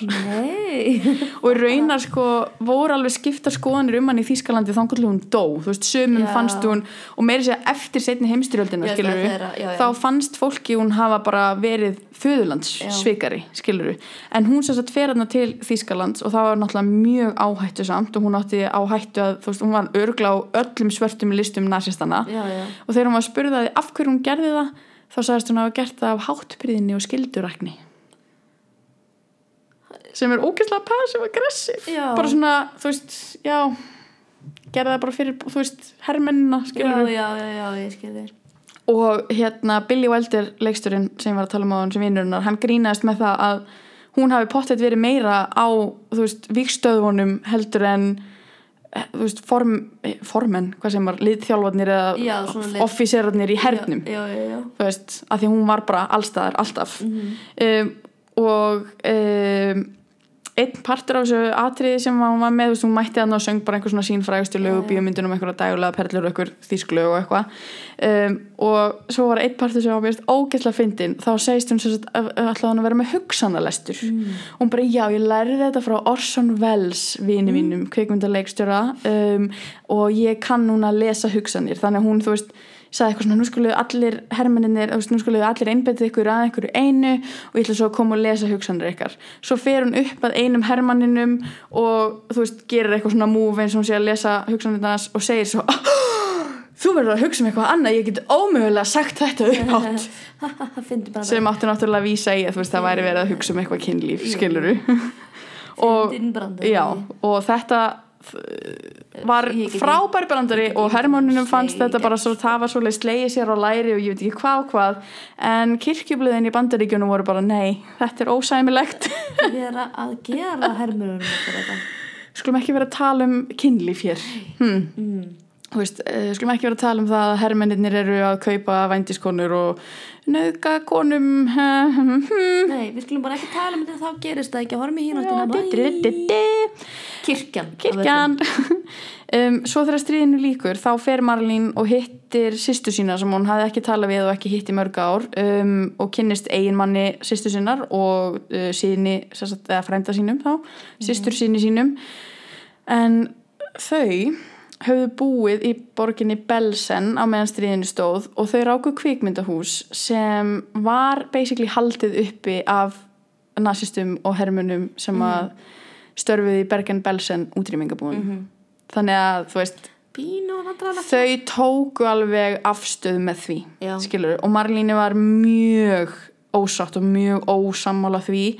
En hún reyndi samt að laga sambandi við sýstu sína og líta fram hjá þessum svona nazi sympathies mm skiluru og reyndi að þess tók ábyrð á þeim svona vátsjaði fyrir þau þannig tók ábyrð á þeim og hildi skildi yfir þeim uh, þegar að þau voru ásökuð um tengsl við nazisma og nazista flokkin en svo þegar að svona öll réttarhöldin og allur hitin og allt bla bla bla er farið af því þá hætti hún að tala við sýsti sína. Þú veist, bara gjössamlega kötta hana út úr lífi sínu og fór bara að segja fólki að hún væri einbyrni ef það kom einhvern tíman upp já, skilur það eitthvað, já, já, já. Svo þetta fyndi að þú veist, þegar þú varst að segja þetta þú veist, þá hugsaði ég bara, já, alltaf var og oft verið í umræðinu þegar tölum setni heimstyrjöldina, að þú veist fólk sem bjó í Þýskalandi og þú veist, þessi svona um, þú veist, þú- þetta er svona spurning þú þarft bæði að halda lífi já, já, og þú veist, varstu nazi sympathizer eða varstu nazi eða þú veist, hvernig Mhm. erfitt fyrir suma og erfiðar fyrir suma að fara á móti nazisma, allt þetta, þannig ég hugsaði ok, kannski voru þeir bara með þetta kvikmyndahús og voru bara reyna að lifa af Mhm. -hmm. en þú veist, svo er Malín bara goodbye þú veist, Já, þá, er þú fer maður meira að hugsa bara ok, þau voru greinlega það var, já, já, málstæðin en ekki akkurat. bara, þú ekki bara trying to make a living. Af því að þú verður líka að hugsa að þetta er fólk alveg að góðum efnum, skilur akkurat. og það veist það er líka stiksmunur á því að vera með kvikmyndahús bara einhver staðar og það Já. er kannski einhverjir nasistar sem að koma en að vera með einu skemmtunina fyrir að- mennina sem eru að drepa börn og konur já, systematist í gasklefum bara hinum einn í garðinum hjá já, þú veist, það er alveg svona af því að, sorry, þú, þú veist, það var ekki sjens fyrir því að vita ekki hvað er í gangi Nei, skilur akkurat, um, en já, þannig að hún bara gjössamlega bara, þú veist uh, afneitir rauninni sýstu sinni. Um, fyrir þessi störf sín í stríðinu í þáu bandaríkjana og bandamanna þá fekk hún frelsisorðuna, bandarísku frelsisorðuna árið 1947 og hefur alltaf sagt það að það hefur verið hennar stoltasta augnablík í lífinu. Hún fekk líka Légion d'honneur sem er heiðurs ég ætla að gera ráð fyrir því að honneur sé heiður á fransku en þetta er líka einhver svona frelsis heiðurs orða þú veist svona Já, já. m- fálka orða Fraklands skiluru fyrir þessi sömu störf. Um, og þrátt fyrir að hafa staðið sér algjörlega í stikkinu sem aðgerða sinni og svona andstríðs sinni e, á, í setni heimstyrjöldinni þá náðum hún samt einhvern veginn eftir setni heimstyrjöldina náðum hún aldrei sama svona kvikmynda frama. Uh, hún leikur samt alveg í fínu myndum á þessum tíma Foreign Affair eftir Billy Wilder Stage Fright eftir Hitchcock og Touch of Evil eftir Orson Welles. Og Stage Fright er alveg svona já já fín Hitchcock mynd en Touch of Evil er bara chef's kiss geðveik mynd um, og hún er fáránlega flott þínu um, og Orson Welles er náttúrulega líka svona kanona í, í kvikmyndaheiminum. Þau eru mjög góði vinir og töluðu alltaf mjög fallega um hvort annað. Um, og síðasta svona kvikmynda hlutverki hennar svona bitastæða kvikmynda hlutverki hennar var í myndinni Judgment at Nuremberg árið 1961 eftir Stanley Kramer. En það er sérst kvikmynd um Nuremberg uh, rétturhöldin já, já, um, já. nasista rétturhöldin the one and only. Yeah. já, já, mhm. um, og, s- og, og eftir svona þessi kvikmyndafjörl hennar hefur bara já, semi dó út þá fer hún að einbetta sér að svona farandssýningum kabarett-sýningum, svolítið fer svona aftur back to her roots. Um, og þetta sérst, var byggt á sýningu sem hann hafði þróað 1953 sem naut mikill að vinsalla, hún hafði sérst árið 1953 verið beðin um að vera með svona residency á Las Vegas hóteli um, Sahara hótelinu í Las Vegas. Og þeir buðu henni þrjár miljónir á viku. Já, at the time. Akkurat Fyrir- fyrir- já, nei, nei, íslenskar króna Íslenskar, já, já, ok, ég var 3 bara- million Icelandic crowns Já, ok. fyrir að koma og vera með live. Alveg, ég er alveg til ég fá það það er rosa fínt kaup ég, það er alveg kaup sem ég myndi sætta mig við. Já, já, ég myndi vinna í svona tíu vikur. Og svo myndi ég segja upp. Og sko sérstaklega í ljósi þess að þessi síning hennar fyrst þarna 1953 var mjög ómerkileg. Veist þetta var bara hún kom fram í einhverjum þröngum kjól og söng sín þekktustu lög og þú veist það eina sem vakti eitthvað svona substantial aðtegli var að hún var í ógeðslega revealing einhverjum þröngum kjólum. Já, já.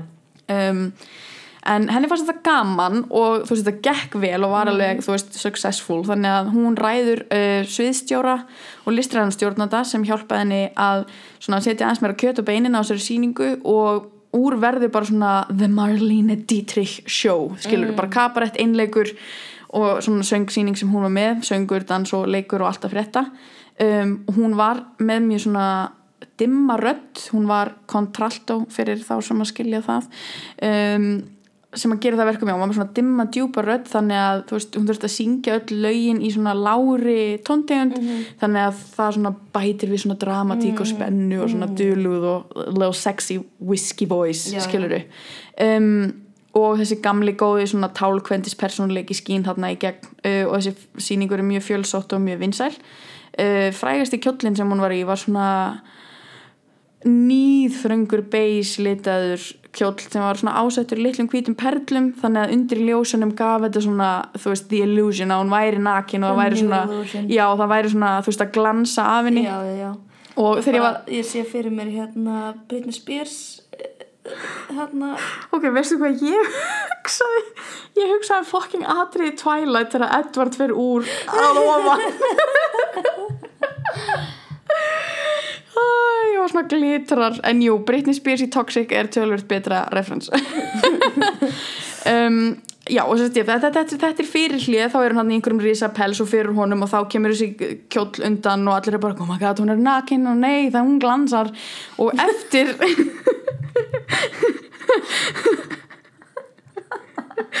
hvað er ég að sjá?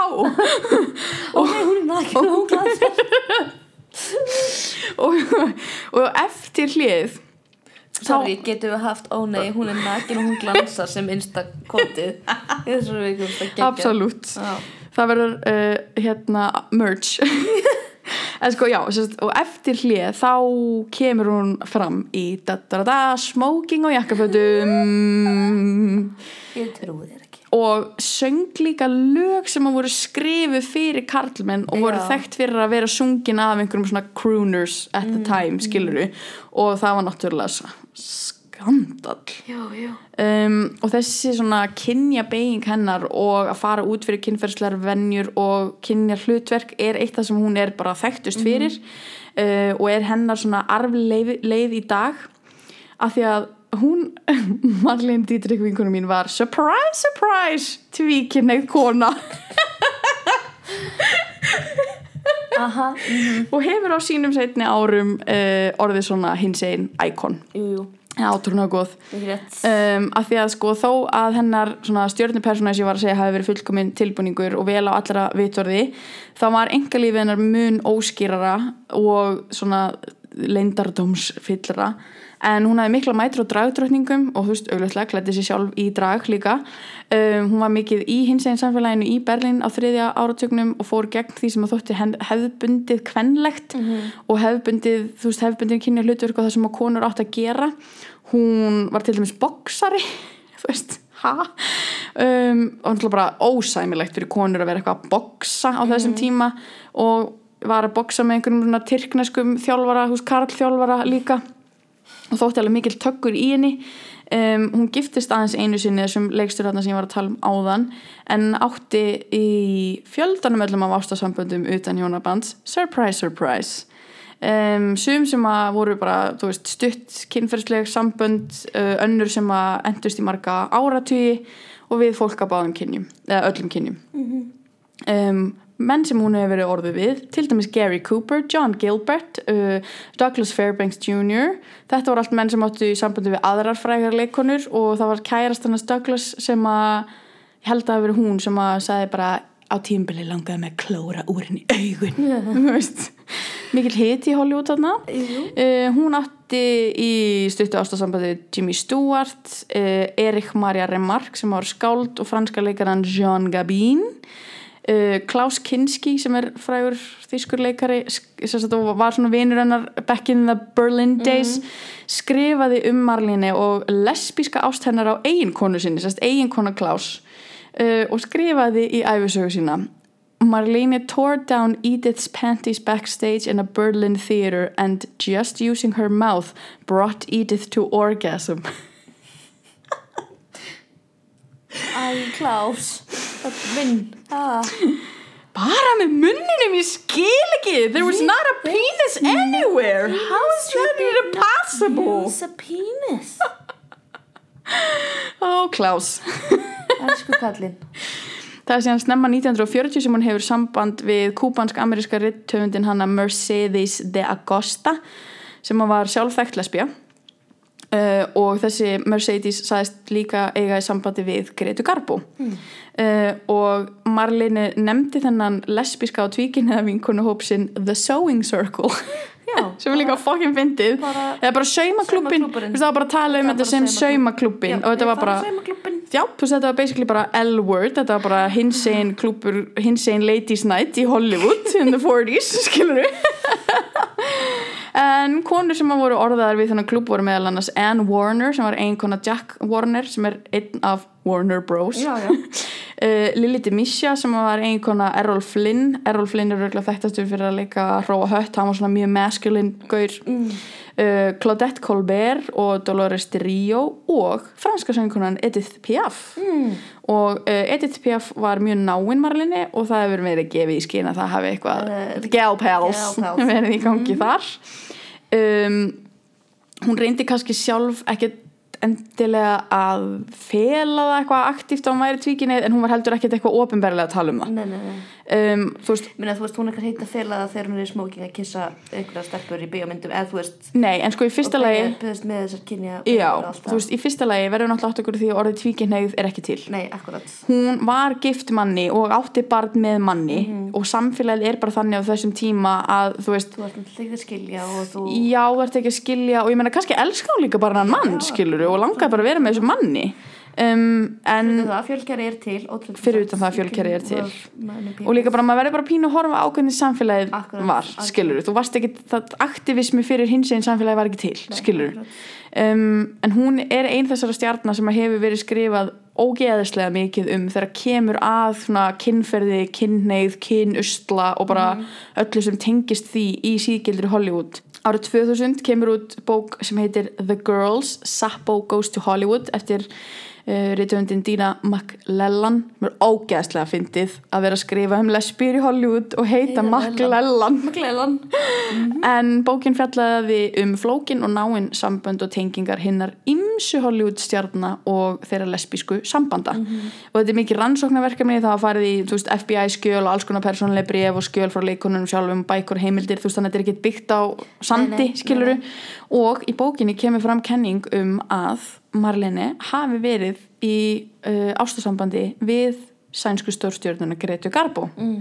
en þegar þessar leikunum voru báður koma til Hollywood um, neituðu þær bara að hafa þekst þar, þú veist þetta var bara Mariah Carey bara I don't know her, mm. skiluru þær þú veist bara já, neituðu bara fyrir það að hafa þekst og hittust aldrei og það þótti alltaf frekar svona ótrúlegt að tvær stærstu stjörnunar í Hollywood sem eru í sömu social circles þekkist ekki eða talast ekki við einhvern veginn.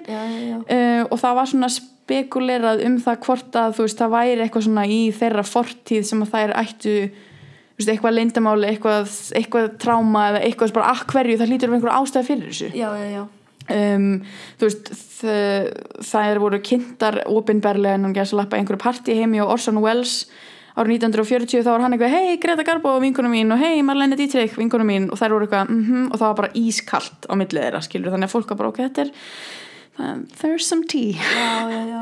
Um, og það var semst bara sko contemporary, eða skilur á, á samtíma þeirra var haldið fram að ástæða fyrir þessum styrleika í samband þeirra væri bara svona að tvær konur get ekki Nei, verið til á sama tíma þú veist þetta var bara Já. samkeppni og eitthvað svona carry, perry Samkeppni, já, já. þú veist, að því að þær voru báða stjórnur og eitthvað svona og þráðu sömu mennina eða eitthvað bla bla bla skiluru um, en í bók Makkelellan er öðru haldið fram og uh, Makkelellan sem sagt var að rannsaka þessa bók og var að rannsaka Gretu Garbo sem er sjálf, þú veist, tvíkinneið lesbíst íkon, skilur, hún, hún er sjálf tengd inn í þetta. Hún var bara að rannsaka Gretu Garbo fyrir þessa bók, horfir á einhverja gamla eld, gamla þögula mynd frá Þískalandi árið 1925 sem að var sem, sagt, sem Garbo var að leiki í 19 ára óhörnuð, óvissum kynniði sína og bara kynlífuruglega potið og bara vissi ekki neitt einhvern veginn. Um, og það er alveg vitað að Garbo leiki í þessari mynd en uh, Marlíne hafði alltaf neita fyrir það að hafa tekið þátt í þessari mynd. Og hún er ekki á kreditlistanum eða ínenum ofnbjörnum skjölum fyrst um myndina. En þegar þessi Maklelan, hún Diana Maklelan er að horfa á myndina þá er hún bara, heyrðu, þetta er Marlene Dietrich, ég bara sé það. Ég bara Já, veit það, ég bara sé það. Og hún fekk einhverjum Marlene Dietrich þú veist, hérna scholars með sér. Að því það fer ekkert á milli mála að þú veist, þetta er Marlene Dietrich í myndinni. Þannig að, uh, og þær eru þannig einhverju atriði saman það sem að, þú veist, þetta er ekki, þetta er ekki lesbísk mynd skilur, en Nei, það nei, er það þannig er einhverju er bara saman og er bara greinlegt að þær þarna. hafa þekst. Já, og þarna er Greta Garbo 19 ára, Marlene Dietrich 23 ára og þarna var hún, Marlene alveg skilur ég er tvíkinni, hún var alveg búin að átta sig á því já, og vissi já. það alveg og var alveg í þessu hins einn samfélagi. Og hún var svona powerhouse skiluru og þarna þú veist gift og á bann skiluru og Greta Garbo eitthvað svona lítil og krútleg og eitthvað veit ekki alveg. Um, og það er sérst uppi kenningar um það að þær hafi átt í ástasambandi á settinu á þessari kvikmynd.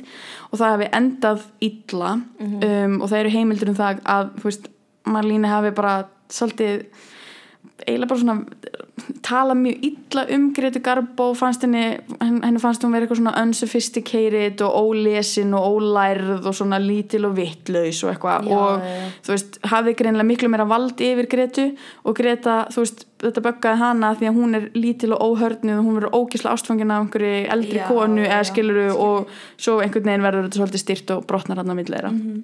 Og það fæst síðan staðfesting á því að Marlína hafi verið í þessari mynd þegar hún basically játar það fyrir æfisagna rithöfundi sínum og hún segir frá einhverju atrið sem var klift úr myndinni sem er ekki sens að einhver geti vitað um nema hafi verið já.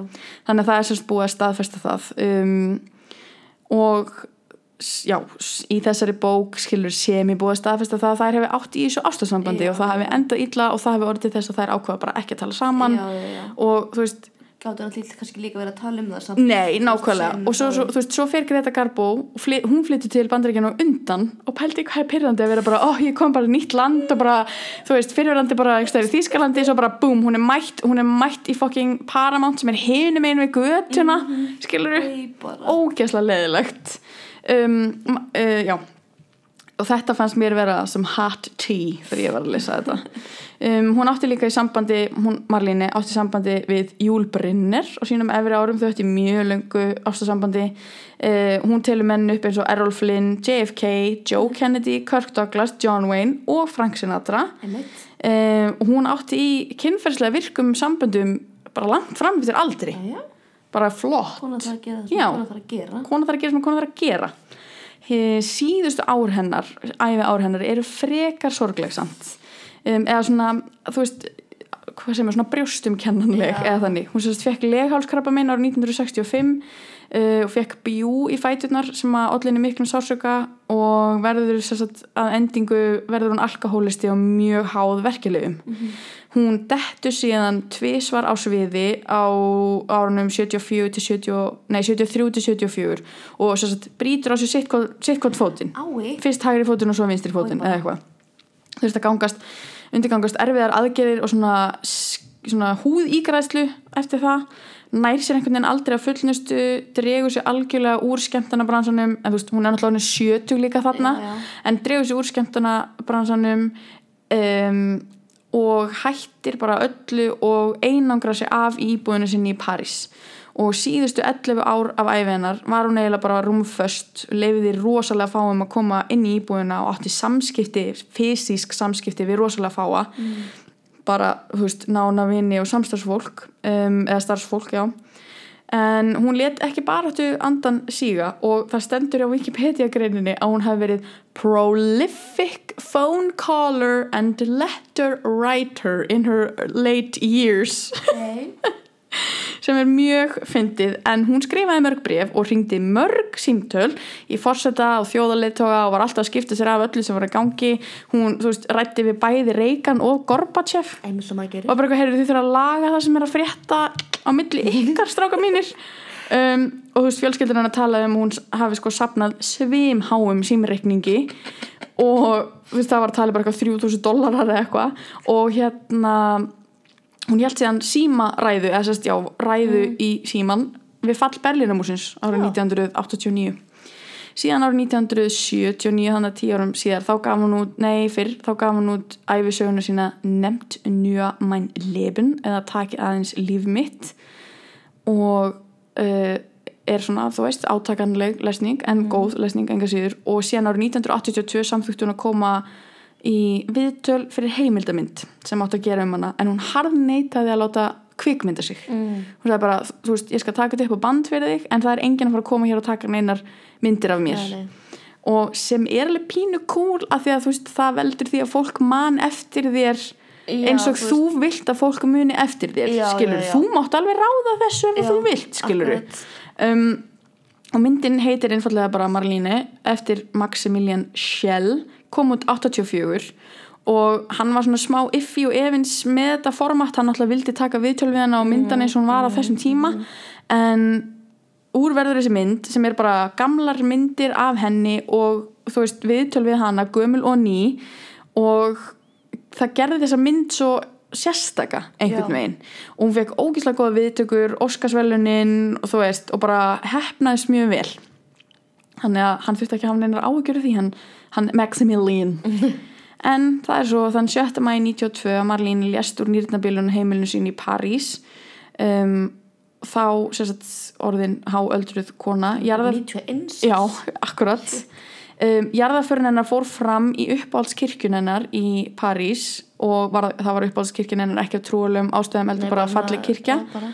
og var ekki, þetta var ekki trúalega aðtöfn uh, en aðtöfni var mjög fjölsótt af stjörnum, stjórnmálafólki og bara hástjætta liði hvaðan æfa kistan hennar var þá sveipuð franska þjóðfánanum og skreitt fallum svona hvítum blómvendi af villiblómum og rósum sem að Fraklandsfósetti bara týndi saman Já, bara Já, akkurat. mitt er rand Fraklandsfósetti var bara eitthvað heyrðu, ég ætla að heiðra hérna þig uh, það voru lagðar medaljur þær sem hún hlaut fyrir störf sín í þá bandamanna í setni heimstyrjöldinni voru lagðar yfir kistuna og presturinn sagði hún lifði eins og hermaður og hún vildi vera grafin eins og hermaður Mhm. þannig hún fekk alveg svona ótrúlega svona heiðurs útför já, já, já.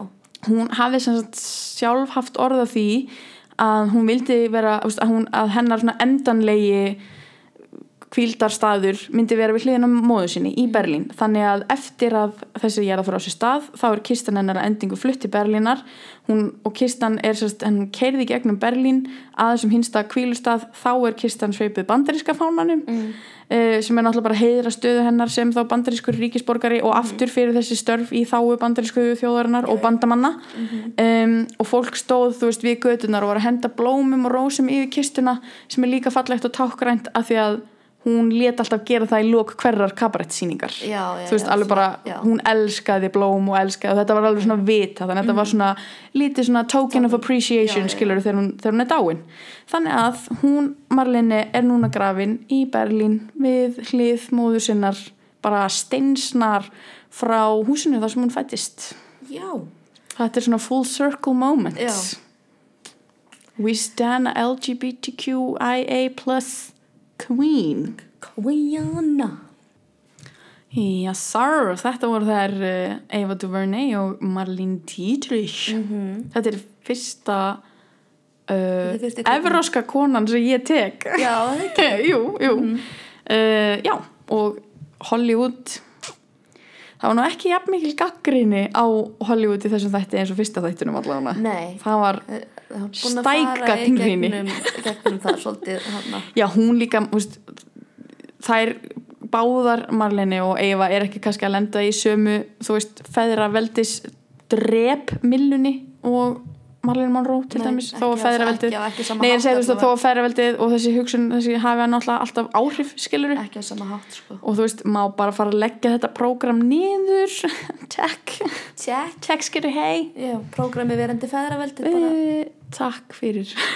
Takk fyrir blæðis en já, Við minnum á Facebook leikin það er Facebook og Instagram leikur Hendi upp hérna fyrir Roxanne Ef ykkur langar að vinna æfisögu Roxanne Gay útgefna af Bergmál útgáfum á íslensku. Glæsileg, uh, ég er fylgjandi því fylgjandi íslenskunar, eins mikið og ég sletti alltaf í þessum Já, blessuðu God. þess að fyndi ég skrifa alltaf handriti á íslensku. Ég eigði svo miklum tíma að hérna, þýða orð og eitthvað.